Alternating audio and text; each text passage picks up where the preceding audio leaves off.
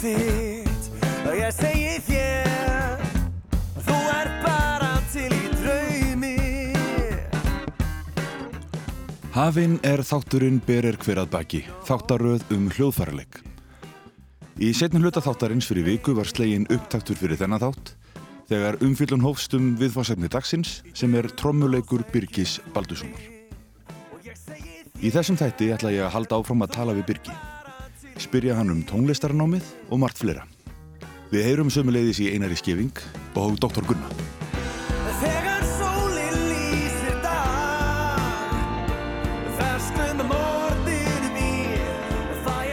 Undir kynningunni hljómar lag af sólóplötu Jóns Jósefs Snæbjörnssonar. Það heitir Gló. Í leik Birgis í því lagi má greina nokkuð sem stundum hefur einkent nálgunans. En Birgi mun segja frá því hér og eftir. loks Þegar fellur mók á brár Rýfur þú upp gömul sár Þú elskar mig En reyndar bara samt í draumi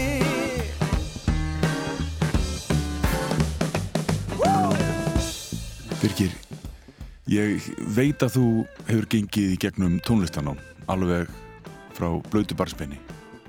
Má ég byggja þig um að segja okkur frá fyrstu skrefunum í tónlistaskóla?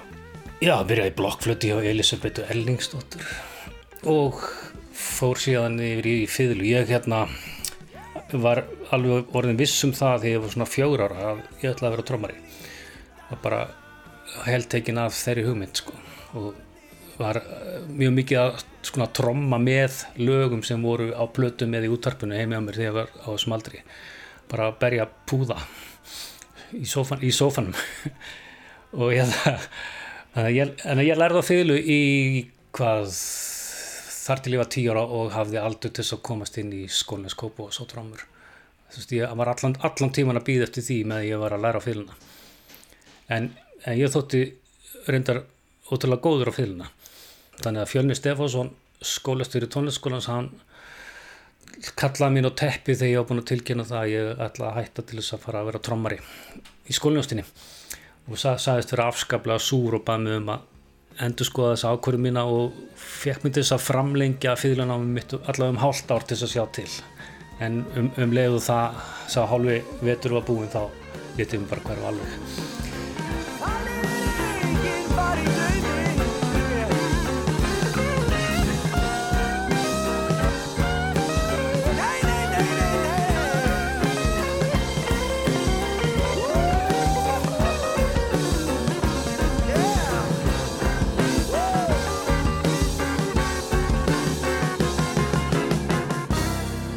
Ég baði Birgi að segja mér frá samstarfið hans og Orra Harðarssonar. Orri er náttúrulega hefur oft fengið mig til að spila eitthvað sem hann er að pródusera bæði, bæði fyrir sjálfma sig auðvitað og líka til dæmis fyrir Ívar Bjarklind og, og eitthvað sem hann hefur að búa til með einhverjum listamönnum Uh, það var líka Hilma Garðarsson hérna austfyringur frá stöðafri og uh, Geir Harðarsson sem að gátt bara fjandi skemmtilega plötu sem hér landnám. Það var eitt morgun, ég áttaði mig á því að komið var sumar og ég kom inn í frí. Veturinn var liðin langur og leiðilegur hann var.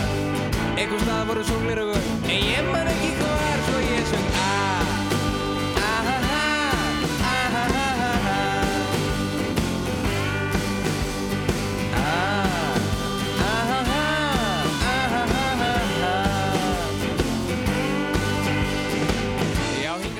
og, og, og svona hitt og þetta þetta var nú kannski aðalega svona þessi fyrstu ár eftir aldamótin sem að þetta var í gangi síðan er auðvitað eins og við vitum orri svolítið búin að draga sig í hlið frá, frá tónlist og orðin rítöfundur þannig að það hefur kannski ekki mikið verið að gerast í setni tíð hjá okkur sko. en, en sagt við erum auðvitað mjög elskir hvora öðrum og góði félagar þannig að þá, þá gengur okkur líka hrikalega vel að vinna saman sko.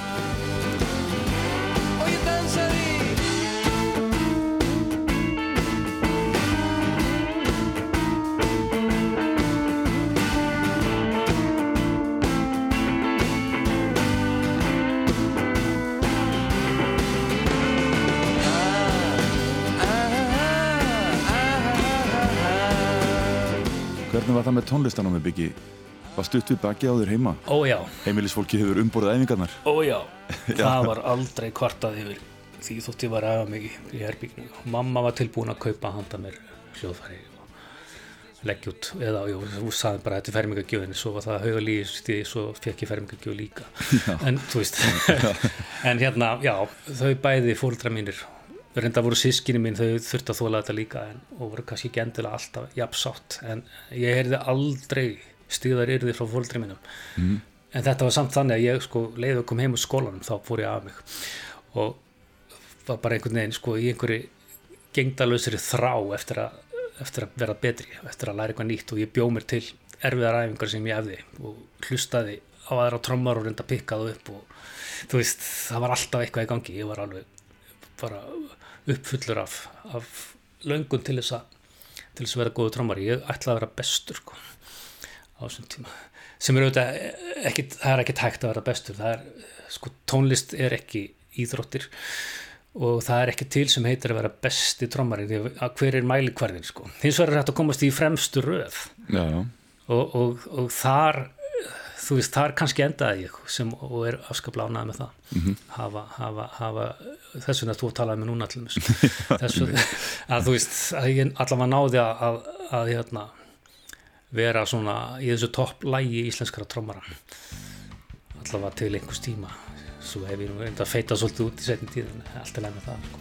Bláar rútur þær bæta engu við fótinn og býð ekki eftir neinu því sem næstir stendin Það er af ekkert flugþól og hefja sig ekki við grjótin. Og heyrða aldrei um það hver var sendin Það er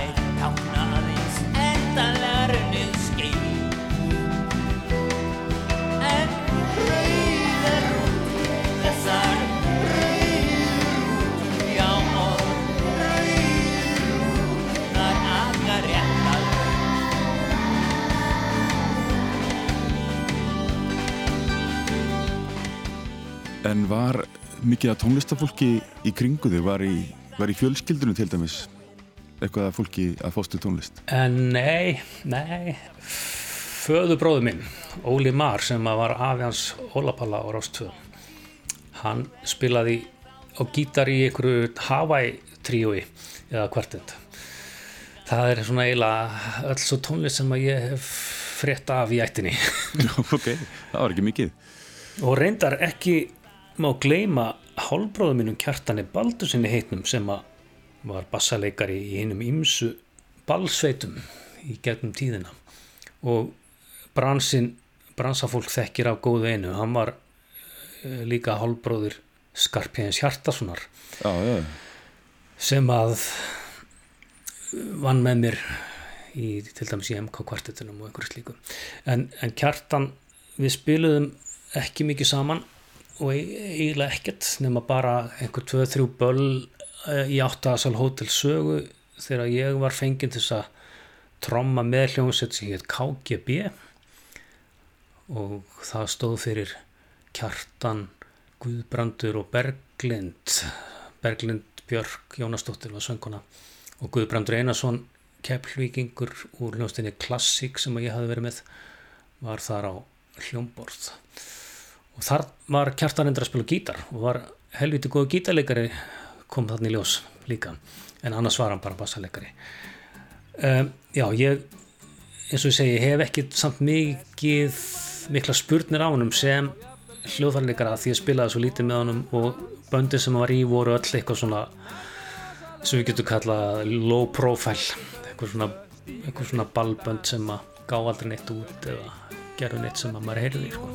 og kallinn sagðist vera kinn Þau stóðu höndum út á túni og fóru bæði að leysa vind Og kallinn prumpar svona og konan prumpar svona og krakkarnir prumpa með la la la la la la la la la la En fullotna fólki það var brjálað og skammaði börnin sín.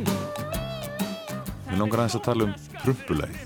Það var afskaplega vinsalt þegar þú ákveður að gera barnaplötu. Já, sem að slæðir algjörlega í gegn. ég, það er nú ekki síst bygga að þakka. Að þetta var svona gott og því að hann, hann kemur að, hann má eiginlega segja að sé svona co-producer eða eitthvað.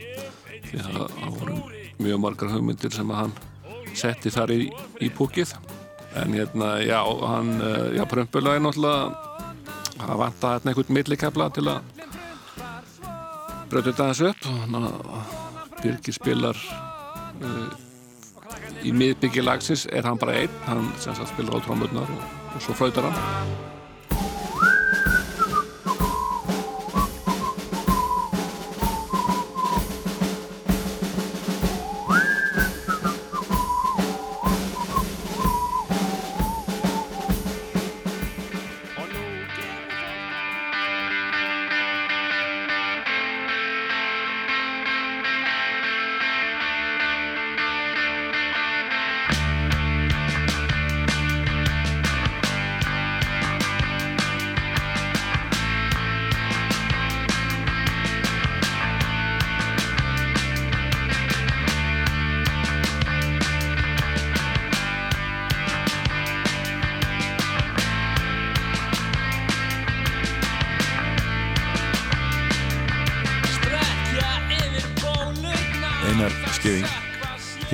hlusta á lægið Ostrur með svarkvöldum draumi. Og þannig byrgir að beita aðferð sem er, já kannski ekki einstök en hún er svolítið sérstök. Já, algjörlega og, og hérna áhrifarík. Uh, þannig er hann til að mynda að spila backbeatið svo kallaða á, á einum. Alla jafna væri það á tveimur og fjórum í fjórskiptum takti. Ef mér misminnir ekki þá þá var nú plata sem ég hlustaði töluvert mikið á fyrir einhverjum árum. Soloplata Magnúsar Þós uh, þar sem hann söng sjálfur lögin sín sem uh, Biggie spilaði líka og, og það var eitt, eitt lag um tölvört hægar sem að sem að beitti sama sama bræði og, og hérna svínvirkaði þá líka. Þetta, þetta er líka í grænu hrospunum, einu frægasta læginu með Já, einmitt. Það var mjög oft sem ég hlustaði eftir bassanum eða einhverju riffum í gítarnum og reyndi að planta mig með þeim á einhvern nýstálan hátt sko. Já, hérna osturinn allumis da búm, búm, da da búm da búm, búm, da da búm da búm, búm, da da búm gítarinn er að spila down þú veist og bassin, bass, bassin kemur með eitthvað svipa eitthvað svipa riff sko þannig að já, ég er bara að spila með riffið og ekkert endilega að, að byrja á basstram og setja sneltram og á fjórir sko. Heldur, heldur veist, við erum bara allir allir þrýr að spila þetta riff allan tíman og minna, veist, það finnst mér svolítið gera þetta lag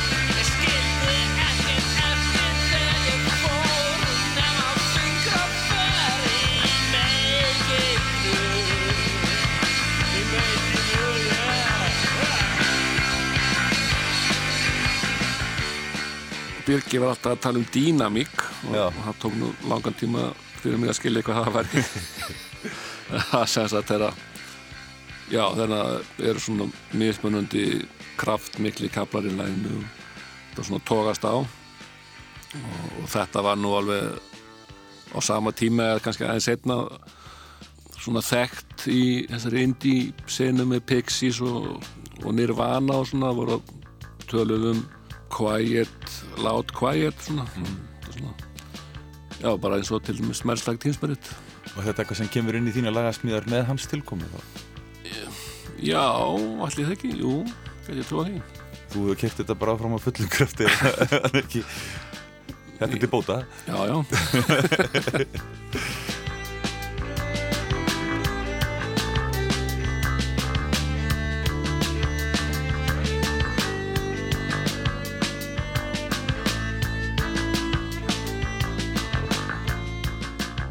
Ég, hérna, talandum uh, sko, svartkvítan draum, ég, ég uh, var nú svo ungur þegar þeir uh, voru upp á sitt besta að, að ég man nú ekki mikið eftir en ég man að ég uh, sennilega sko 13 ára eða eitthvað uh, álpast inn í dúshús sem þá var í Fissjasundi og ég man ekki í, í, undir hvaða kringustæðum hvort þetta voru tónleikar eða eða ég veit ekki, eitthvað festival eða eitthvað. Allavega var mér hleyftinn mann eftir þessu svakalega pári hugsaði með mér þá að, að þar væri öflugast í punk trómuleikar í landsins. Já, já, eflust uh, á samt Sigtryggi kannski mætti hérna segja hann uppbyllið það sæti Það er eh, svolítið skemmtilegt að margir af svona fyrirferðar mestu trommuleikurunum af þinni kynnslóð koma úr Kóbói. Það er náttúrulega steppi í fræblónum og, og svo auðvitað Sigtryggur Baldursson. Lágu leiðir ykkar eitthvað saman í uppvextinu? Um, það er ára á mill okkar upp á dag. hann náttúrulega fretti af mér og minni hljómsveit lekkjum og hann var á sama tíma á samt einhverjum austurbæðingum, lekkir var vesturbæðing hljómsveit Sigdryggur var í að spila með einhverjum austurbæðingum og það allavega hann hérna hóa einhvern tíman í mig, hann bjó í auðbrekkunni, það sem nú heitir löfbrekka og þar var hann búinn að stilla upp í kjallarannum risastóru setti. Fullt af symbolum, fullt af tomtoms og einhverju ógeðslega djúsi og spennandi kitti sem að ég fjall í stafi yfir að sjá þegar ég kom að heimsækjan. Og hann bara leiði mér að taka í þetta og svo bara rættu við um, um trómuleik en ég held að okkar kunniskapur hafi ekki verið mikið meira en þetta eina þessi eini hittingur. Það sem maður þurfti, þurfti að veifa framann í mig græjunni sinni. En, en, en svo auðvitað fylgdist maður bara með honum og ég hef alltaf verið aðdáðandans úr fjarlæð Auðvitað. Þegar hann var farin að spila með og bara stöffi sem var að gera þar er svo flott hann er svo mikil frumkvöld í trommuleik bara á heimsvísu finnst mér þessi, þessi, þessi patterníska hugsunas að hugsa hugsa það sem hann gerir á trommunar ekki takt fyrir takt heldur kannski fjóra takta sem perjótu eða átta takta sem perjótu Já, já. og svona En, en er það ekki eitthvað sem að þú hefur líka gert svolítið að? Nei, ég, ég vil ekki meina að ég hafi orðið fyrir neinum þannig áhrifum frá Sitríki að hann hafi stjórnað því eitthvað hvern, hvernig ég spilaði. Ég vil meina að það hafi miklu meira verið Áskir Óskarsson sem að ég, sem að ég auðvitað dyrkaði á þessum tíma og hlustaði á hérna, öll mín úlísára, allt sem að hann var að gera. Sérstaklega í progginu með, með þurrsonum en, en líka áður sko, sem hann var að gera með Pelikan og Paradís og öllu því sko það er eitthvað stöf sem að sko, ég kann upp á mína tíu fingur einhvern veginn nánast og, og hérna hefur mótað mig miklu meira eldur en Sigtryggur mótaði mig sko. en, en Sigtryggur sko hann er alltaf bara í mínum ögum bara úr, bara mjög meistari hljóðfæri sig sko. Og, og ég hef ekki lagt mig eftir samt að vera eitthvað að fara í fötuna. Það voru aðri trómar sem gerðu það meira. Augun þín segja svo og brost þitt laðar fram söngur hjarta mér. Og í návist þinni ég finn að ég hlýta að hafa hitti fyrr. Eitt hvert sinn því ég finn að við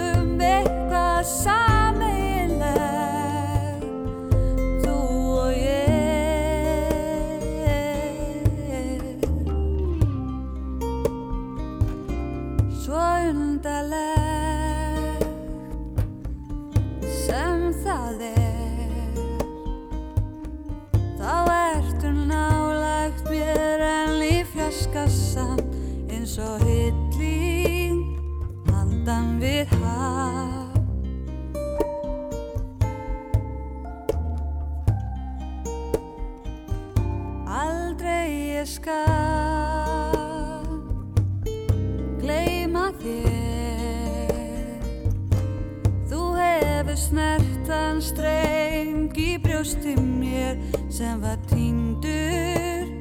En nú ég veit að ég hlýt að hafa hitti Þegar við vorum að búa okkur undir þetta spjall, Birgir, og ég að búa mig undir að gera þannig þátt, þá gerði ég spilunarlista á Spotify með svona brot af því besta úr að ferli þínum. Og mér langar svo að vita hvernig þér hafi liðið að hlusta á þetta þegar er búið að taka þetta svona saman? Já, Vart ekki, ekki litið stoltur yfir það fyrirli má segja það. Því að allavega sko var miklu, sko maður getur ekki muna allt í einu sko. Og maður, maður fyrir að upp ferilsinn þá, þú veist, mann maður stundum eftir einhver og svo einhver, einhverjum öðrum tímum mann maður eftir einhver öðru en maður, en þarna fekk maður svona svolítið svona vel valinn lagalista frá einsum tímum beint framann í sig og jú, það kemur þá í ljós. En maður er bara verið að gera allan anskotan og sumt bara helvíti vel sko. Það eru lög sem ég held upp á það sko. Og það eru kannski ekki endilega augljóst fyrir þá sem eru trommunördur og halda þetta gangi allt út á uh, einhverja loftumleika sko. Það meina, uh, ég held rosa mikið upp á hérna, coverið að sameigilegt með Siri Eithors þar er ég að spila tablatrommur og það er ekkert merkildi í ganginu að bara soundið í tablatrommunum er svo flott og soundið í bandinu. Það er Hammond Orgel og eitthvað sem að veist, virka svo vel saman. Það kemur myndast einhver heildamynd eitthvað landslag sem er bara dýrlegt sko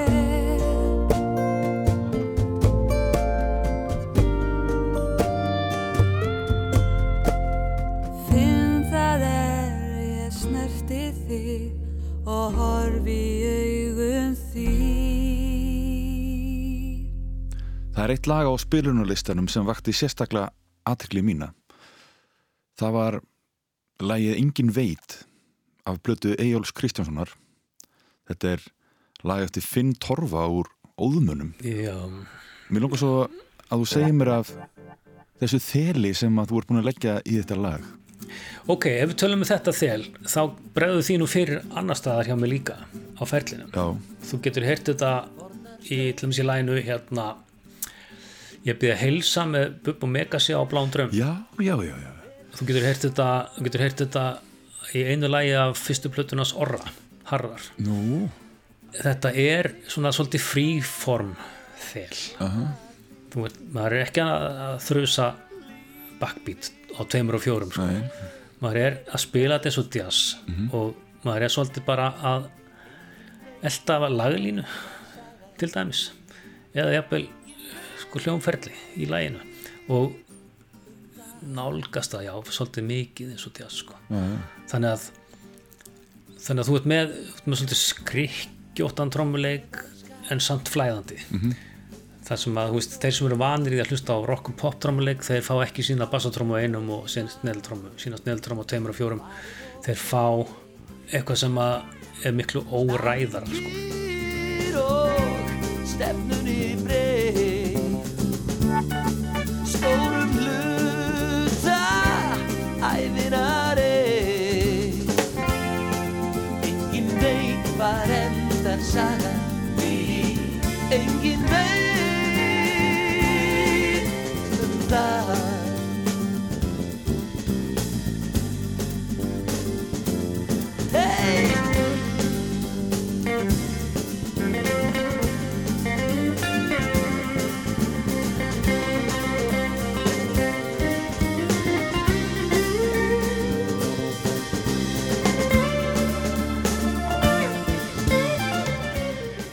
En, en greip og eplasæði, gaman að tala um það. Þetta er 1990 og þarna einhvern tíman á Þorranum 1990 þá var ég fengið til þess að fara til Amsterdam að spila á Þorrablóti Íslendingafélagsins í Hollandi. Og þegar ég kem þangað þá kemur í ljós að prógramið er náttúrulega alveg 60 lög eitthvað af skefjalus svona skefjalusar æfingabúður sem að hófust leiði ég mætti en stór hluti af þessu prógrami var Hauks Mortens lög. Ok, maður þekkti ímislegt með Hauki Mortens Bjössamjölku bílnum og Tilur og Fræ og Simpi Sjómaður. En þarna allt í hennu fekk maður að heyra fullt af lögum með Hauki sem ég hafði aldrei heyrt aður Svo Tjá Tjá Bambín og kaupa konan að skýsli gröf.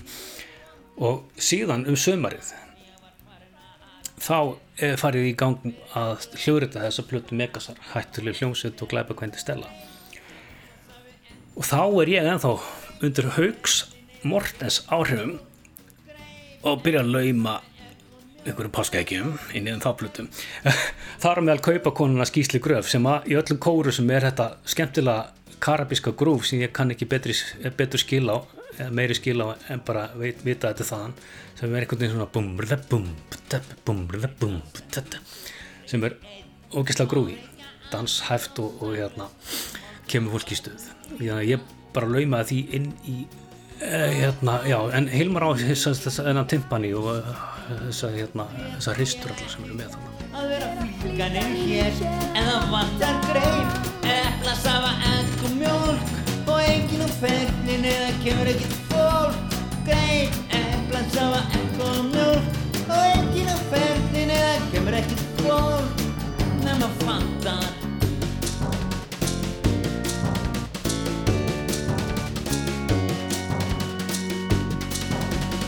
Það var hann Hitler á hálli braut sem hirt ekki um frekar en þú að vanda sporinn sín. En dauði tók hann þennan djöfurlamann Ok, sko, það er nú til fræg saga af mér þar sem ég mæti í stúdíu stillu bassotrámu, sneltrámu og hæjati og simpala. Og svo þegar að pródusentin Jón Ólafsson spyr mig að, hvað eru TomTom? Þá, þá að ég hafa sagt, neða, það var ekkert beðið um það. Og, og svo, bara, svo bara spilaði ég TomTom laus. Hann vil meina að þetta hafi gerst í sesjón hjá Egil Kristjáns í, á plutunni Logið sem að sem að ég kannast ekki við. Ég kannast við að þetta hafi gerst þarna í Sýrlandi. Við upptöku á þessu lagi Brekka Brottasonar ókundubl Já, og hérna ég var reynda með TomTom trámaður út í bíl ég var bara ekki búin að sækja.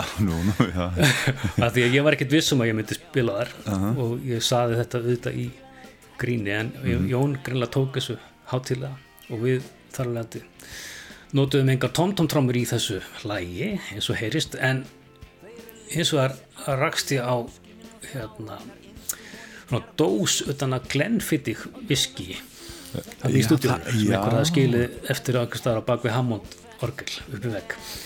Og ég tek hana til handagags tek hérna lokið af henni og spila síðan á botnin á henni sem er svona malmbotn og það, þar, það færðu þessa súru st- stáltrömmu eða hvað þetta er Já, sko, já, sem er sem er mjög einkennandi.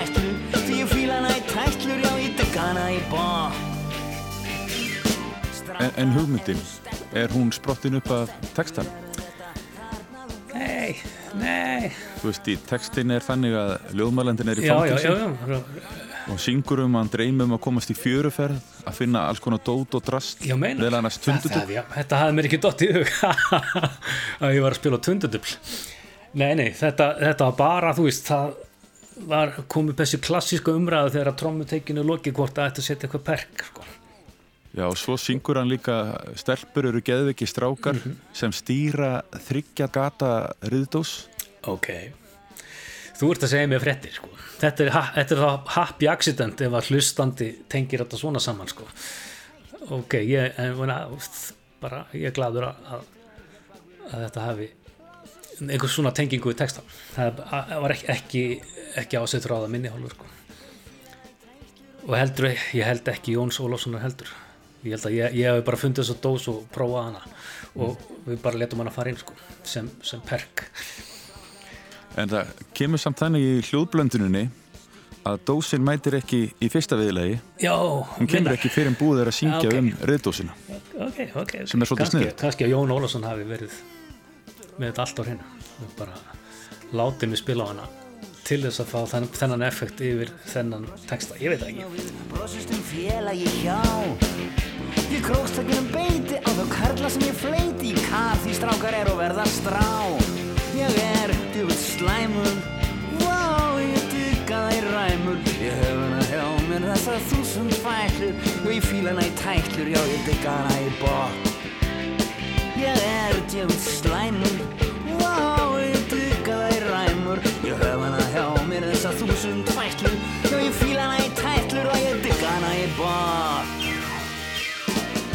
er það upptökustjórnarnir. Við höfum aðeins talað um samstarfið með Orra Harðarsson og Jón Ólafsson sem að þú er runnið mikið með. Ef voru einhverju fleiri svona sem voru að kalla á þig aftur og aftur í hljóðverið? Hilmar Örn var á, á tíðanbili sko þá var maður að vinna með, með honum líka einhverja kveipindatónlist og eitthvað sko sem að já og, og, og það sé megast að plata og hvaða var meira eitthvað já, mjög mikið bara kveipindatónlist aðrir upptökustjórar. Gummi P auðvitað með röggu virkaði alltaf sem upptökustjóri í þeim sessjónum held ég, en hann alltaf fer svo vel með það maður veit ekki alveg hvort það sé verið að stjórna. Stundum finnst maður ekki verið neitt upptökustjóri. Og það hefur reynda líka, líka gest í sessunum hjá Jóni að hérna, hann einhvern veginn er svo lús, gefur manni svo frjálsar hendur og, og svo bara sér hann hvað maður laða fram og, og hann akkord gefur hann góð og það eða ekki sko. Já, og, og líður þér vel þegar þér eru skapaðar þessar aðstæður? Já, það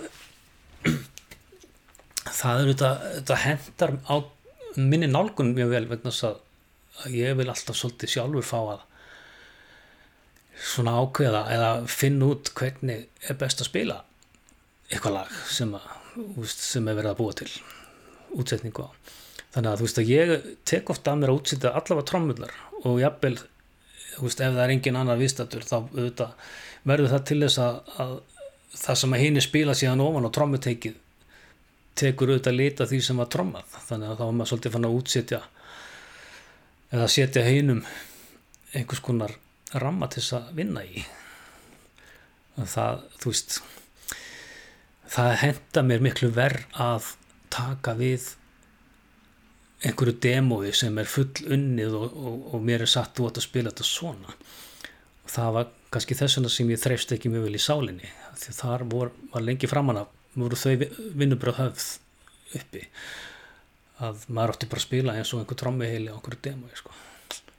og ég náttúrulega fór í ósjálfrátt og, og auðvitað í eitthvað protest gangvart í ykkur uppreysn sko, sem að gera það verkum að á tímanbili svona rétt á hann að bandi fór í pásu þá var ég líki líft í því sko fyrir mér og mínum leðendum sko. En, en hérna já, því held að ég hef ekki borðið almenna mitt bara síðan heldur því að þetta þessa sögu þekkir allir bransin og, og er ennþá lítið svo á 30 síðar að ég sé kannski erfur í samstarfi. Já, það heyrðist nú stundu þá en, en það er nú ekki að heyra svo á fólkunni sem er að tala við mig í þættinum Nei, ég hef verið mjög afskaplega bljúr, öðmjúkur og, og gladur bara í setjum tíð sko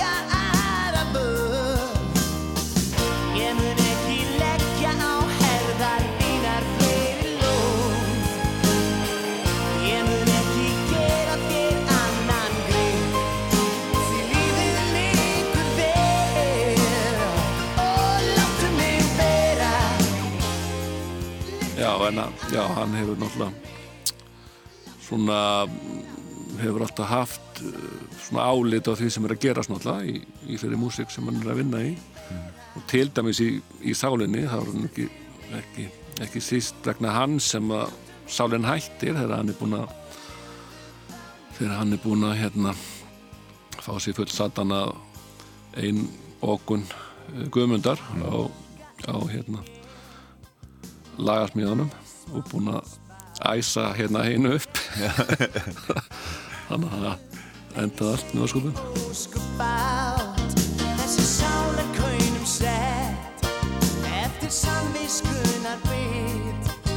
Það er ótrúlegt eftir allt sem var að þú enda eigin bit Ég mun ekki leggja á herðar einar fleiri ló Má þá skilja það svo að þér finnist leikur þinn með Sálunarsjónsmins ekki vera góði vittnisspörður um sjálfa þig sem hljóðfærarleikara eða tónlistamann.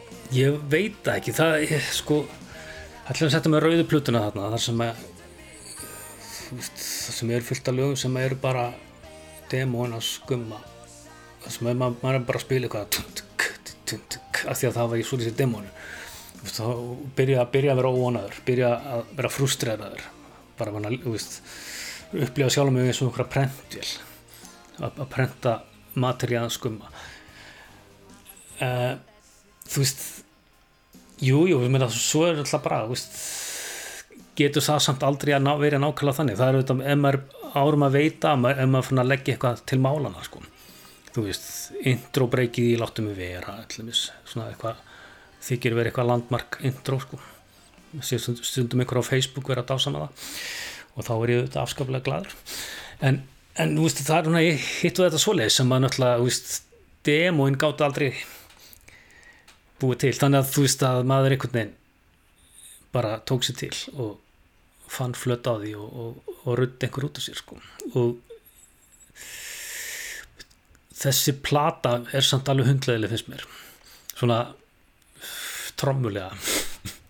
Það er ekki, það er ekki ég er ekki, ég er ekki hérna, að reysa með neina minnisvarða þarna nema kannski þetta upphafs trommu fyll þarna í Láttum vera. Svo, svo komu kom garg hérna, kom platan garg, þar voru tvö lög sem að við hljóður fyrir þannig að það var auðvitað Sótama og Krókurinn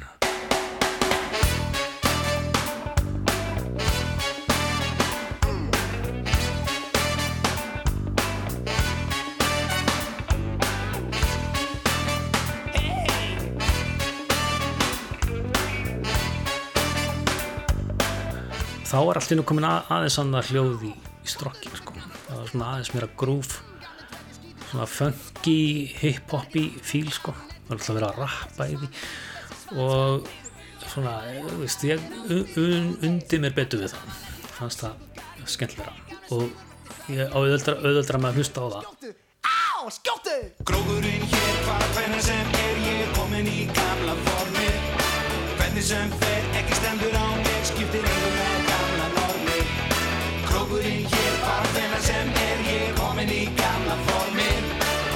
sem fer, ekki stendur á mér, skiptir einhver með gamla normi. Skiptir einhver með gamla normi. Hvernig sem er, hvernig sem er. Ég komin í gamla formi svo er það þetta lokaplattan sem ég spilaði sem var þessi þungahögg þar er auðvitað sko, þar er náttúrulega fullt af svona, liði utan úr bæ eftir að hún kom út sem að var bara fallandi stafi yfir trommusnildina á henni sko. Það, það sem er raunin þar er þetta bara beint framhald að þessu draumi hjá mér sko. sem ég bara er að, er að búa til eitthvað einhver, einhver mjög svona sérstök grúf sem að eru óinleg sem á aldrei heyrst áður og er bara, þú veist, það sem maður er alltaf riff hvernig er hérna holdi á andin, þar spila gummi og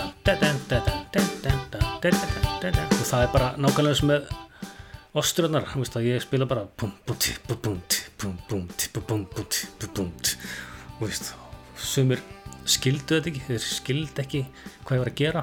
Ég skil ekki hvernig þeir skildu það ekki en þeir allavega skildu það ekki. Og ég gæti ekki útskýrt það því ég vissi ekki hvað það var sem þeir skildu ekki. En allavega þú veist trómuleikur það var endalust tilitni einhverja tilitni þess að ég var ávarpaður og dregin út í einhverja diskusjón sko. Um, en platan þótti kannski ekki vera sálarannar besta verki, ég veit það ekki. Reyndar vildi nú Steppi Hilmas meina það. Löngu síðar í viðtali við Fókus Dóttur, Dóttur Gunni tók við hann viðtal þar sem að hann vildi nú meina að þungu höggin væri langt besta platan á ferli sálarannar fram að þeim tíma. Já, mér hefði svolítið gaman að sjá það af því að auðvitað, veist, ég held að í rauninni lengi eftir þessi plata kom út og hún væri bara disaster sko. Það væri bara ég, bara ég að frekjast eitthvað og reyna að breyta, sá, breyta sálinn í þessu draum sko. á þess að takast það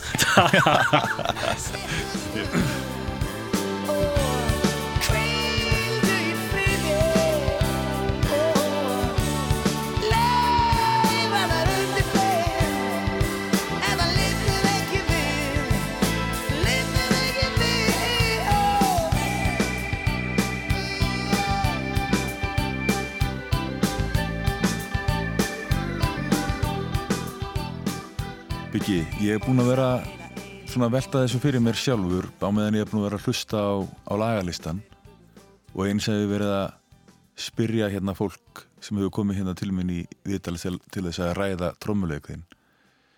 Ja, hvað einkennir þig sem trommuleikara bæði þá í hljóðveri og í lífandi flutningi? Veist, hvernig trommuleikar ert þú? Já, þetta til, tilrönda kendur fyrst og fremst sko. allavega líka fyrir hluta fyrirlsins þá var ég rosa hérna fælin því að, að, vera að gera eitthvað klísjur sko. að klísju fælin ég þóldi ekki eh, það að, að, að detta nýri að vera að gera eitthvað sem, sem var eitthvað svona same old það sem allir aðrir eru búin að gera. Ég var alltaf að reyna að finna einhvern nýja flöt á þessu hljóðfæri. Og það auðvitað þróast líka svo út í það að maður fór að forðast klísur í sándi þannig að þú veist maður tók kannski sneltrómana og tjúna hana niður. Ég er líka rosa fíkin í, í það sem ég kalla leiðslu sem er það sem að Csikszentmihalyi kallar flow, flæðis ástand ég reyna að komast í þetta ástand alveg strax í fyrsta lægi á tónleikum það sem ég er að spila. Það gengur samt í stúdjóum ekki alveg svel að komast í þetta flæði eða þessa leiðslu. En, en hérna þegar, veist, þegar maður er komin í hana þá er maður svona svolítið komin út úr líkamannum svona fann að svífa einhver staðar og, og, og það sem að tónheimurinn sem að er í gangi kringum hann er svolítið hann, hann er svolítið eins og málverk. Já svona, hann, þú veist, maður sér þetta svolítið myndrænt sko, þetta er oft bara einhvers konar landslæg, litir. Ég, er samt ekki með svona samskinjun eins og, og Bubi Mortens. Þú veist, þegar þú segir abi þá sé ég ekki brúnt eða eitthvað heldur, heldur þetta er meira svona svona bara eins og, eins og að byrja að dreyma í vöggum sem að og, og það og þú veist það að geta svifið um í einhverju, einhverju svona rými eða einhverju svona landslega sem að þar sem að sándið í hljóðfæranum næra, næra hérna að svona vera penslarnir í málverkinu það, mér líður rosa vel á þeim stað og það er til ég að bara vera þar. Alltaf sko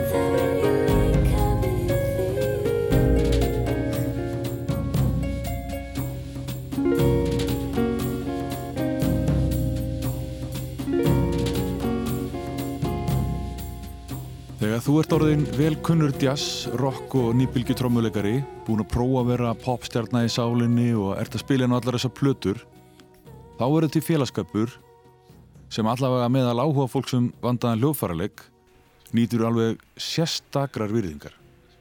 En það er kombo Ellenar Kristjánsdóttur. Já. Ellen í framlínunni, Þórður Högnason á kontrabassa, þú við settið og Eðva Lárusson á rafgítar. Þetta er mikið uppáhald margra. já, Það er kombóið fyrir þér. það er náttúrulega ákveðið hápunktur það er sko það er í rauninni bandið sem að tók mig frá því að vera svona einhver fullum fettum einhver rockari að spila ofsalega fast ofsalega hávert og hratt og veistu, tók mig úr þeirri deild og, og hérna við fórum bara alltaf að leið. Við fórum leið sem enginn var að fara á þessum tíma. Frá, þú veist, lækkum okkur spilum rosalega veikt spilum rosalega hægt. Alveg stundum alveg bara sko hættulega hægt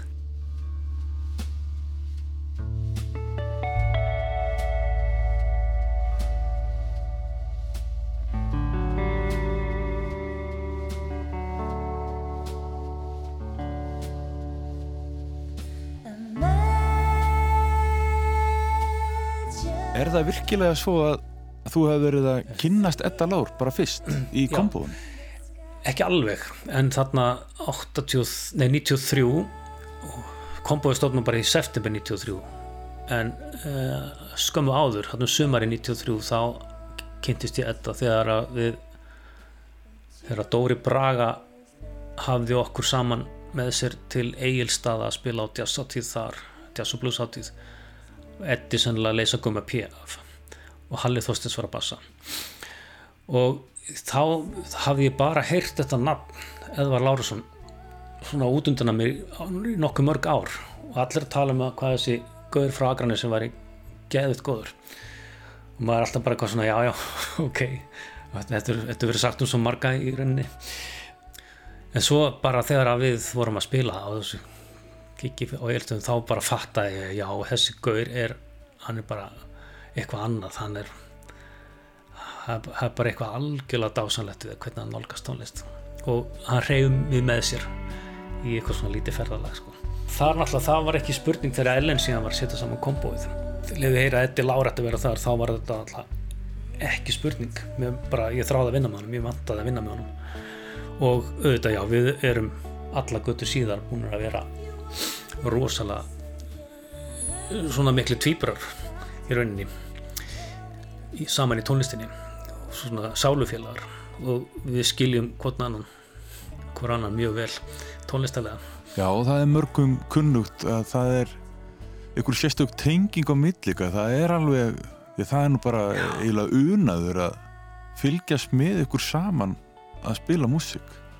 Það er eins og við þurfum ekki orð, það verður einhver tenging bara alveg óskilnileg á millika ég er ekki bara það að Eddi eins og ég kann að fara í leiðsluna sko. Hann kallar að, kallar að öðru nafni sko. Ég tala um að fara í leiðsluna hann talar um að kvíla í mómentinu. Ég held að það sé bara sami hlutur. Og þegar að menn eru að byrja að þrýfast á, á, á, á því plani því astralplani þá náttúrulega bara er connection. Þá er bara tenging í gangi. Þannig að já við skjótum á mill okkur einhverjum einhverjum hérna, símalínum sem eru sem eru bara á, á, þrýfast á plani leyslunar sko.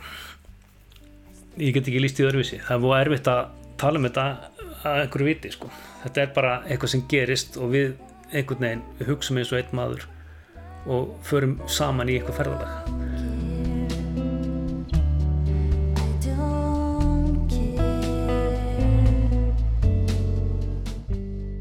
Ég heiti Karl Hallgrímsson og þáttinn kalla ég Ber er hver að baki.